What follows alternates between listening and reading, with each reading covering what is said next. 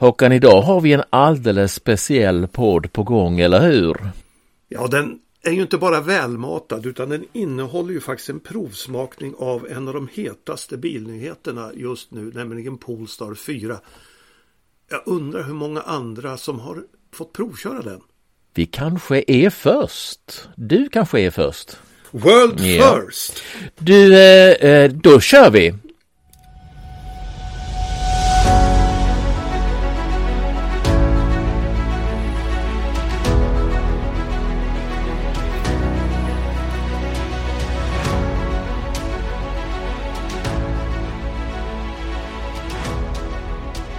Välkomna till podden Gubbar som tjötar om bilar. Avsnitt nummer 27 med mig Ola Sigvardsson och naturligtvis med med mig Håkan Mattsson. Hej Håkan! Hur är läget? Hej hej! Läget är alldeles utmärkt. Vi var på Hovet igår och såg en stark vändning från Brynäs som vände och vann med 4-2. Och nu är väl seriesegern i praktiken hemma. Det låter ju härligt. Själv var vi för ett tag sedan och tittade på eh, Orup. Bara Orup på Rival på Södermalm. Eh, en gammal favorit från min sida. Och i, I det här sammanhanget så kan man ju notera att redan som låt nummer två körde han Ta inte min Mercedes.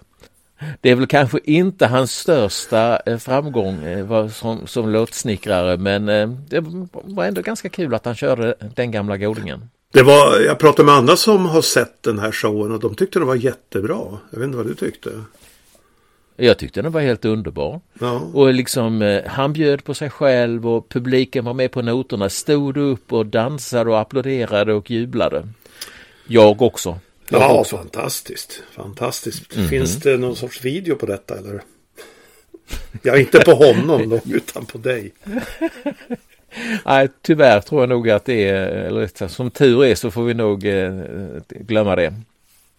Men du, om vi ska gå in på, på dagen så det är ju faktiskt bara någon timme sedan det blev känt vem som vann den fantastiska utmärkelsen Årets bil i Europa. Mm.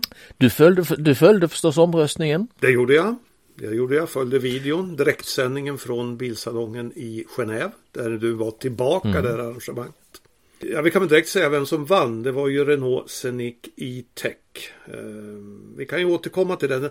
Alltså Car of the Year har ju funnits sedan 1964 då Rover 2000 vann. Så det här var då 61 gången faktiskt. Du har ju också till och med haft en central roll i detta. Du var väl ordförande under ett antal år? Jag var ordförande eller president som det heter in, under nio år. Faktiskt den, bara den tredje ordningen. Eh, och det var ju kanske en av mera, mina mera diplomatiska utmaningar att hantera 58 stora egon från 22 olika länder. Eh, det var lärorikt, det var kul. Eh, jag fick vänner för livet. Så att, nej, det var jättekul. Eh, och det, jag ser ju att det blir ju bättre, arrangemangen blir ju lite bättre. Även om de har hackat nu då med, med pandemin och att bilsalongen i Genève gav upp och flyttade till Qatar. De var ju i Bryssel förra året med den här eh, ja, sist med ceremonin när man då ut, utser vilken som har vunnit. Eller rösträkningen ska vi kalla det kanske. Det är ju fortfarande då 58 medlemmar från 22 länder och de hade en lång lista från början med 28 modeller. De valde sju favoriter och Renault vann. Av de här sju var det ju bara en som inte finns som renodlad elbil, nämligen Toyota CHR. Kom ju också sist i omröstningen. Ja. Mm. En del gör ju kompromisser då som Peugeot och BMW att de har modeller som både helt eldrivna de är hybrider, en del är fossilt drivna faktiskt. Både BMWs 5-serie och Peugeot 3008 eh, har, har, ju, är ju, har ju ett mix av drivlinor. Mm. Men innan vi dyker ner i de sju finalisterna och vinnaren eh, Renault Scenic så eh, tycker du att det var ett bra urval? De här sju, var det, var det de sju som förtjänade att gå till final? Ja men det tycker jag nog. Vi har ju inte kört eh, en del av dem. Vi har inte kört BYD till exempel. Den, som är den första kinesiska, kinesiska märket som har gått till final i årets bil. Om man nu inte ska räkna Volvo, det får vi diskutera sen. Nej, men jag tycker nog det. Det kanske var några som man skulle kunna pocka på en finalplats som Fisker Ocean, som vi har provsmakat i den här podden.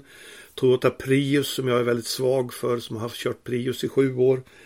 Eh, Volkswagen ID7 som verkar vara en väldigt prisvärd, eh, komfortabel, rymlig bil. Men vad säger du om Hyundai Ioniq 6? Ja, den är ju så väldigt lik till tekniken vinnaren för två år sedan, Kia EV6. Det är ju samma bottenplatta, samma laddteknik, samma... Allting är likadant. Så att jag tror att då väljer man bort den därför. Det är lite samma typ av bil. Däremot kom ju Kia EV9 till final som ju är en, en stor SUV. Fortfarande samma teknik. Men trots allt väldigt annan, annorlunda design. Eh, och den, eh, den kom ju faktiskt på fjärde plats, Kian, ändå. Jag tänkte att de inte skulle rösta på den i och med att de hade valt mm. TV6 för två år sedan, eh, jurymedlemmarna. Men, men den skrapade ihop lite poäng, inte minst i Sverige. Men hur gick det för Volvon? Det var ju EX30, den nya lilla Volvon.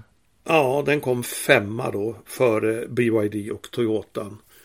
Eh, jag tror att det är en besvikelse för Volvo.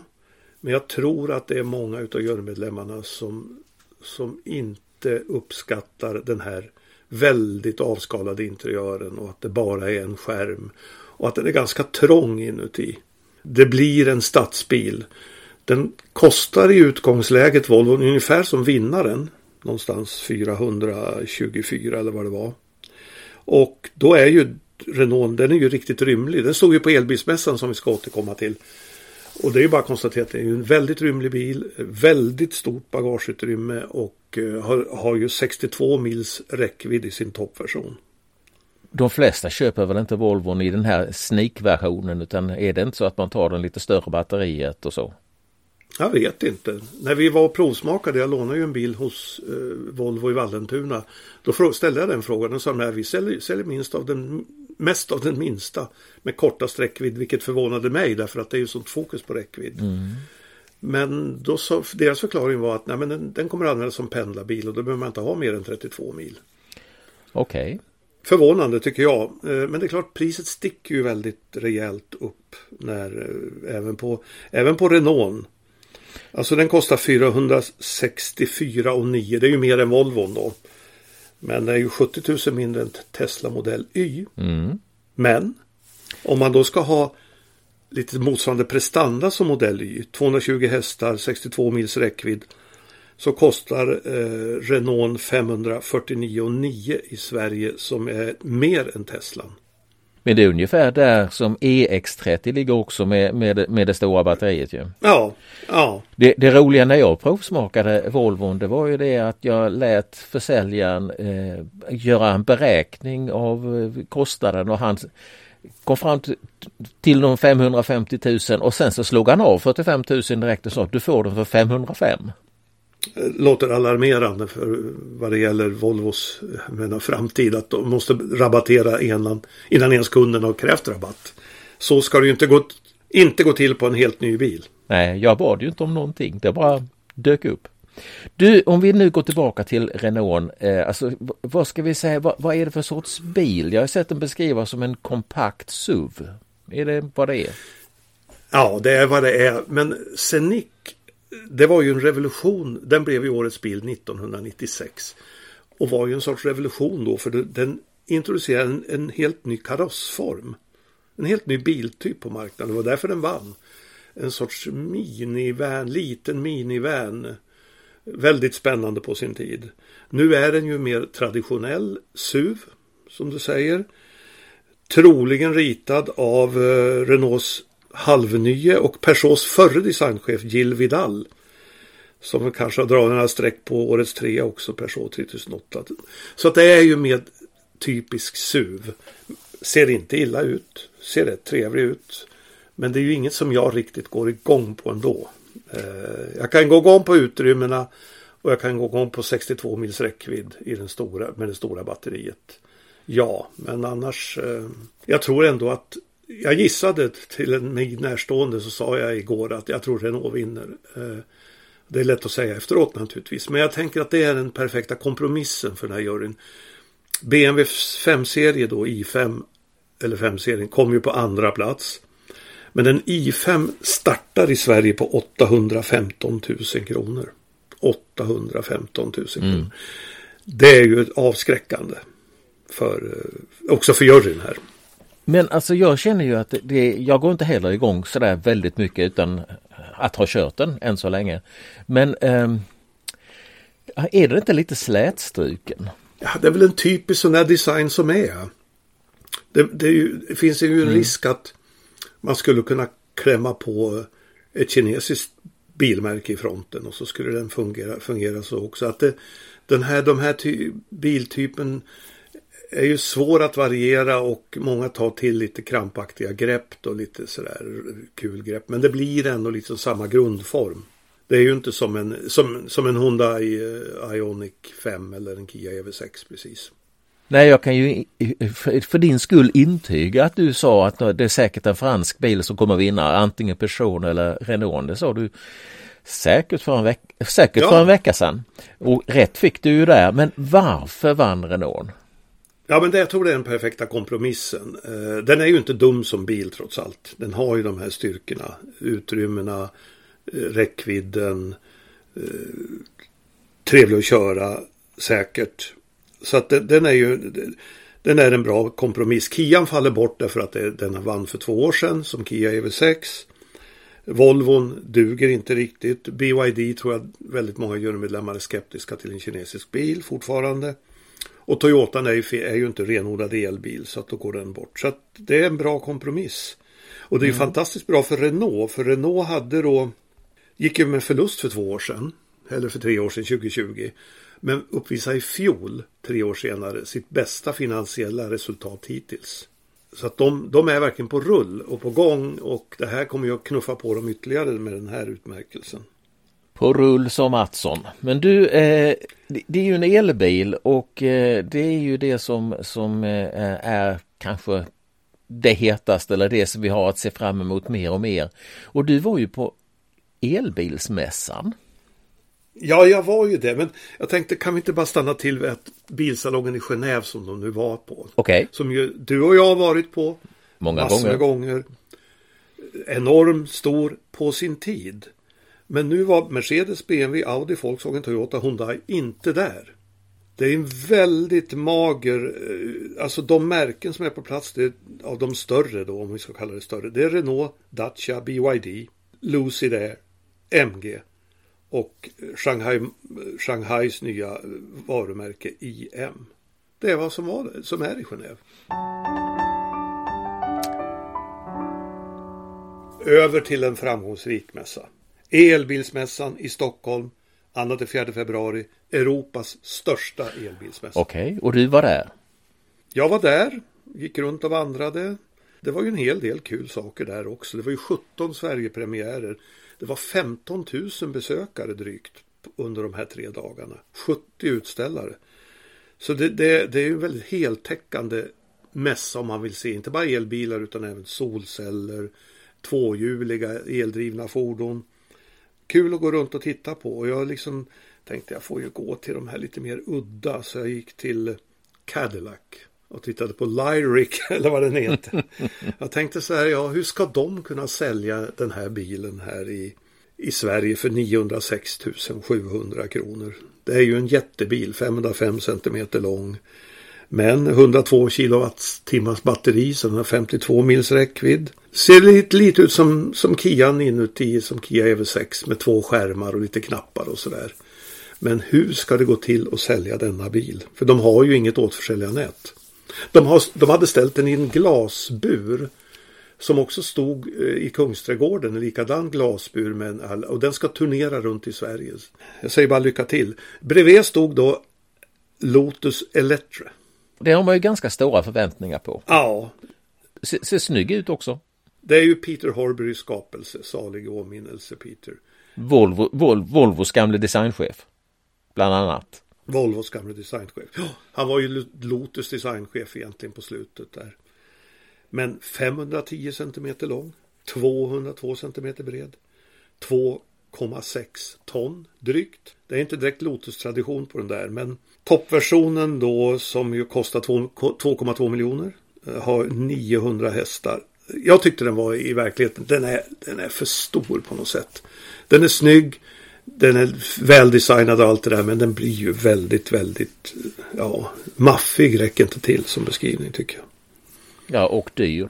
Och dyr ja, 2,2 miljoner. Det finns någon sneak-version om vi ska kalla det för, för endast 1,2 miljoner.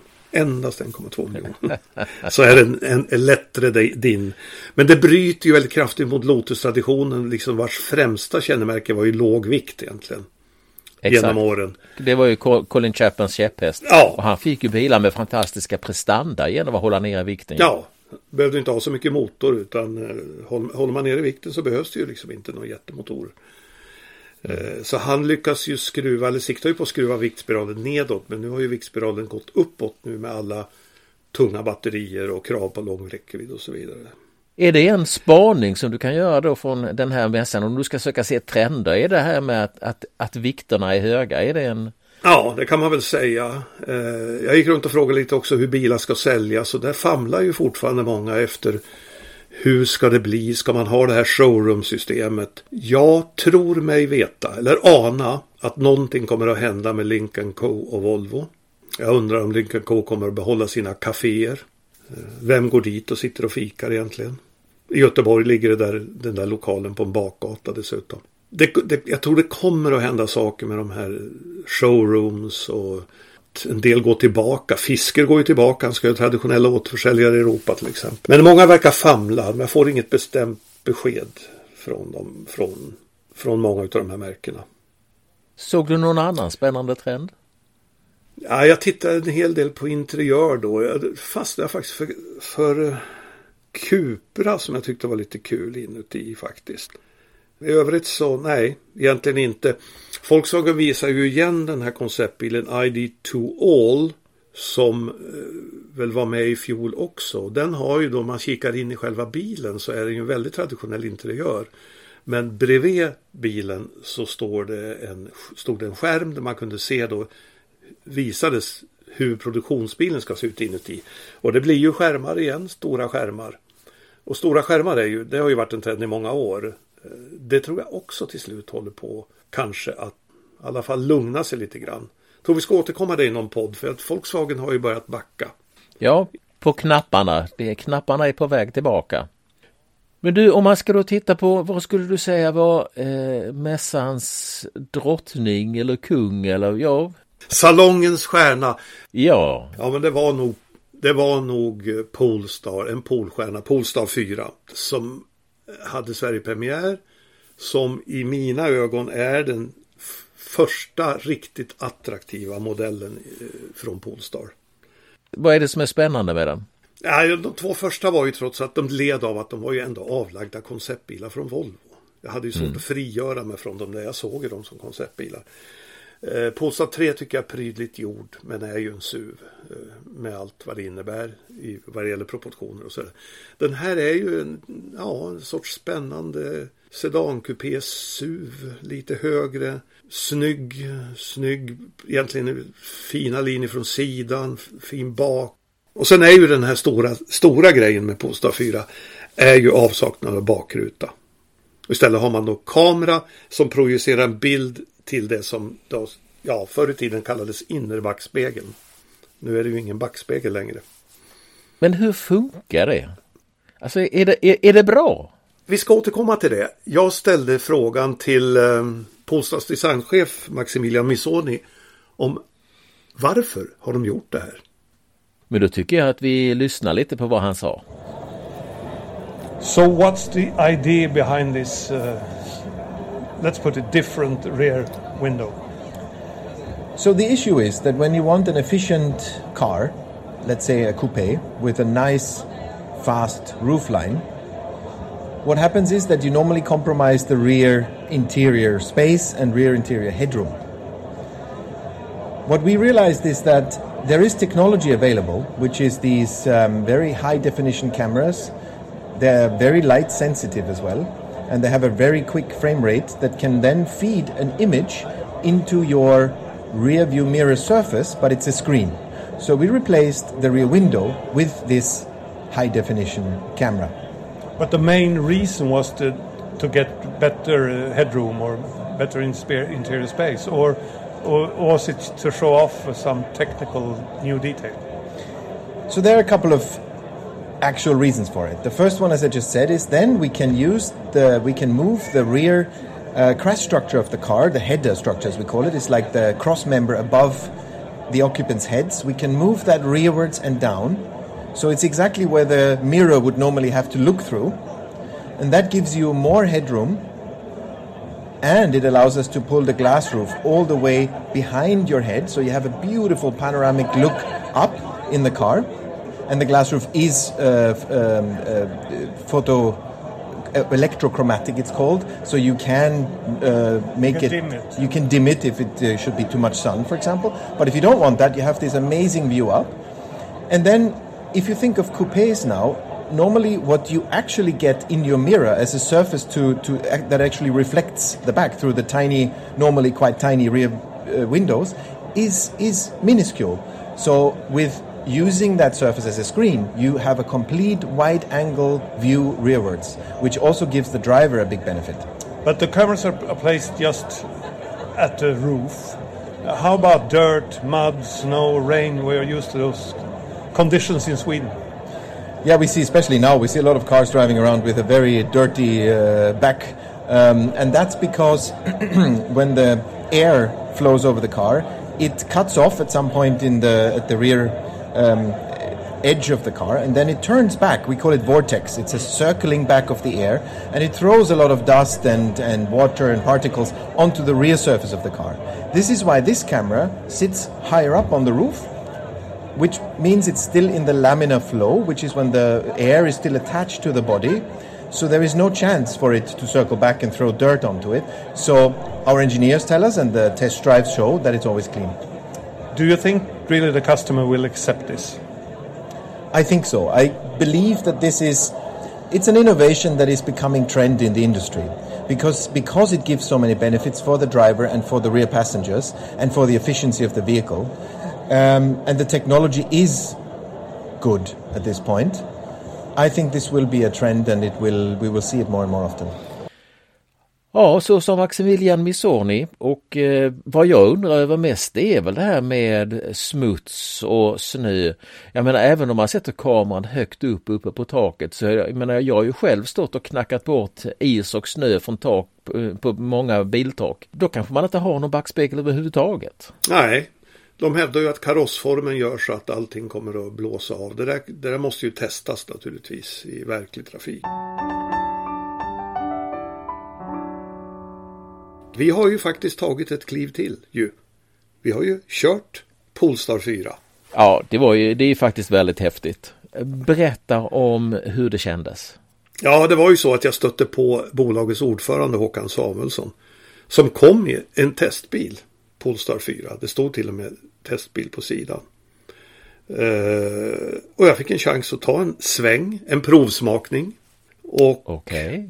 Ja, det var inte produktionsmässig. Han hade, han hade med sig en lista som jag i och för sig inte fick se.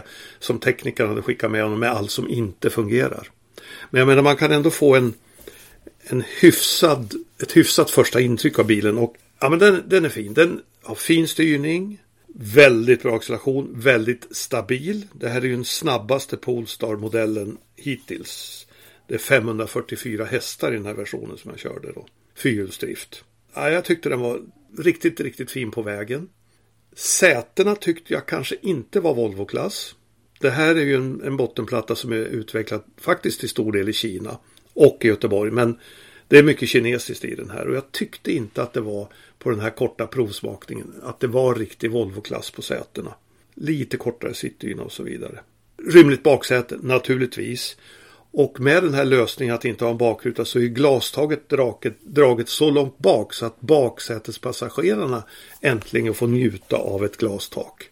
I många bilar är det ju så att det, det är bara de i fram som skulle kunna njuta av det. Så det var också bra. En sån här kul detalj tyckte jag var att när man fällde blinkersen, blinkerspaken till vänster så kommer ljudet från mm. i vänster högtalare. Och ville man svänga till höger så kommer ljudet till höger högtalare. Väldigt diskret ljud, lite väl diskret men ändå jag tycker sånt är lite kul när de gör så. För det kostar ju ingenting. Så det var alltså en provsmakning med mer smak? Ja, det måste jag ju säga om jag nu skulle vara sugen på en Polestar och skulle ha de ekonomiska resurserna för det. Men vad, vad kostar den? Ja, den kostade i sin dyraste version 915 000. Men då är det är ju den här med dubbla motorer och fyrhjulsdrift och full utrustning och så vidare. Det är ju väldigt mycket pengar. Ja. Men den stora frågan är ju då hur fungerade backspegeln när jag körde? Ja. Alltså det som är bra är den här vida bilden. Man ser ju väldigt mycket mer än från en konventionell backspegel. Sidan och bakåt. Och man har ju inte den här skogen av nackstöd som stör från baksätet. Och ingen för liten bakruta som liksom begränsar synfältet. Så man ser ju väldigt mycket. Men om man har progressiva glasögon som jag har. Då sitter den där spegeln inte på riktigt optimalt avstånd. Eh, det vill säga att det blir suddigt. Det är ju ingen spegel utan det är ju en skärm. Det är som att titta på en dataskärm. Så jag fick sitta och luta huvudet bakåt för att hitta rätt med glasögonen. Det är ju inte speciellt bra faktiskt. Nej, det är inte speciellt bra. Hade den där spegeln suttit ett par decimeter längre fram, vilket då kanske hade varit möjligt, då hade det funkat. Men så vitt jag förstår så ska det här bli varumärkesbestämmande för Polestar så att även Polestar 3 kommer utrustas med den här lösningen. Men där har man ju en bakruta så där kan man ju förmodligen fälla, fälla backspegeln och få en konventionell backspegel. Ungefär som faktiskt som i Kia EV9 som också har en digital och en, en traditionell mm. konventionell. Ja, det är lite, där är lite blandad smak på det där. Jag tyckte det var väldigt bra att se så mycket men det var ju inte riktigt skarpt då. Eh, när vi ändå är inne på eh, provsmakningsområdet så har vi ju faktiskt provsmakat en, eh, ett, ett syskon eller vad man ska kalla det för till Polestar 4, nämligen Seeker 001 som ju också är en, en Geely-bil och som de gärna framhåller också från, från tillverkaren en premiumbil. Jag frågade försäljaren när vi skulle ut och köra den här vad, vad är det som kännetecknar premium. Vad är premium för någonting? Och eh, ja, den stackars försäljaren eh, försökte ju ändå säga att det betyder att den är både exklusiv, lyxig och sportig. Framförallt så kan man ju då säga att den är väldigt stor. Eh, när, jag, när jag gick in och satte mig i den så känns ju bilen väldigt rymlig, inte minst i baksätet, ungefär som du berättade om, om Polestar 4 också. Men stor och rymlig ombonad och man har en fantastisk sikt tycker jag från, från förarplatsen. Men eh, likt Polestar 4 så tycker jag inte heller att sätena är eh, und, riktigt, riktigt bra. Det är för kort sittdyna för att man ska vara bekväm under de långresor som den här bilen trots allt inbjuder till med en räckvidd på en 60 mil ungefär. Men det var kul att köra kan man väl säga. Det var lite ryck ryckig när man skulle dra, dra igång den från stillastående. Det kanske är ett, en mjukvarujustering som behöver göras. Och sen så känner man ju att den är väldigt tung. När man kör på isiga vägar eller kör över väggupp så är det liksom nästan två och ett halvt ton som eh, rör sig och det är ju besvärande och tungt förstås. Ja, jag som nu har provsmakat båda bilarna, jag, det är ju exakt samma intryck från båda två. Förutom då att eh, Siken faktiskt är 13 cm längre till och med än Polestar 4. Men just det där med vikten reagerar jag för också i Polestar 4 att kör man ner i ett, i ett hål i vägen så den dunsar väldigt okänsligt tungt ner. Och det gjorde även Siken. Det, man måste komma ihåg att det här är i princip samma bil. Eh, de är ju baserade på den här CA plattformen Sustainable Experience Architecture. Som en, mm. en, en gång i tiden var det enkelt att säga att allt, de är baserade på SEA. Men nu har SEA spruckit upp till fem olika varianter. Allt ifrån den lilla Volvo EX30 och Seeker X. De är liksom baserade på den lilla versionen. Och så finns den stora versionen EPA. Electric Premium Architecture. Det är Lotus Elettre som vi pratar om. Det här är det, de här två är baserade på det som kallas CA1 som man också baserar Volvo EM90 och Seeker 009, de här bussarna på. Så att det är, men det är väldigt mycket samma känsla, samma intryck. Sen är lite så här, lite skillnader. Växelväljaren sitter på ratten i Polestar men mittkonsolen i Seeker. Men väldigt mycket lika. Dörr, yttre dörrantagen, samma. formspråket är likadant även om materialval och sånt där inuti är annorlunda. Eh, och som sagt sätena samma. Ja, de är väl tillräckligt olika för att appellera olika kunder ändå. Det måste jag säga. Det tycker jag. Det här är ju, det här plattformstänkandet har ju pågått i bilbranschen i 30-40 år. Så det är väl så här det ser ut. Men vad är det då som, som lockar på de olika hållen? Alltså, är Polestar, är den mer sportig till exempel? Ja, den är ju sportigare och lever väl högt på sin design också. Eh, Seeker är ju enligt vår försäljare 150 till 180 000 kronor billigare än Polestar 4. Den dyraste Seeker jag försökte skrapa ihop den går på 757 000. Och som sagt Polestar 4 var ju 915 000 så det är en väldig prisskillnad. Och det, det kan man förstå. Den bilen som vi körde gick på en 675 000 ungefär. Ja. Och det är det som de själva sa att vi är ju inte ett känt och etablerat varumärke så vi kan ju inte vara lika dyra. Polestar är ju inte heller jätteetablerat men det, det har ju ändå de här svenska rötterna med sig. Ja, nej, jag, mm. jag gillade, gillade verkligen Polestar 4. Och jag, jag satt ju länge på elbilsmässan med bolagets vd Thomas Ingenlath i framsätet. Och vi resonerade fram och tillbaka där och jag berömde honom för de stora tydliga siffrorna på displayen. Alltså hastighets, man såg hastighetsmätarsiffrorna mm. tydligt stort i orange-gult. Han avslöjade då att han håller på med någon sorts inre eh, kamp om att få göra en mindre skärm i eh, Polestar 5, eh, den här cabrioleten. Öppna bilen. För att den ska bli mer sportig så vill han ha mer knappar och lite mindre skärm. Det är frågan. Det är en fråga om ekonomi om man inte får tvingas helt enkelt att tugga i sig att behålla hela interiören från Polestar 5 kupén. Ja, nej men jag skulle nog vilja säga att, att Seeker som jag upplevde den under den här korta provsmakningen mer känns som, alltså, som en långfärdsbil, någonting som ligger på, på motorvägen mellan Stockholm och Skåne och skulle fungera alldeles utmärkt i, i den miljön. Snarare än, än, än en stadsbil, mm. den är för stor och tung för det. Men betyder det att du tänker nu överge BMW iX som din drömbil och liksom snegla åt en Seeker 001? Nej, det kommer jag inte göra. Det kommer jag inte göra. Det är fortfarande BMW iX som jag eh, ligger och tänker på om nätterna. Okej. Okay. Men du, eh, ska vi stänga provsmakningen för dagen? Ja, det tycker jag. Och gå, istället gå över till den insändare som vi fick redan till förra podden från Johan Eriksson i Västerås. Han har hört av sig igen till oss med anledning av det här med genomsnittsmätning mellan fartkameror.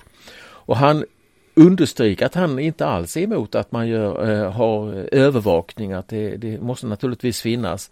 Men han är ju väldigt bekymrad över att systemet innebär i praktiken att man övergår från eh, föraransvar till ägaransvar. Och han menar också att eftersom alla måste fotograferas så är det också ett eh, mycket, mycket större intrång i, privat, i människors privatliv. Bli fotograferad när man är ute och, och kör.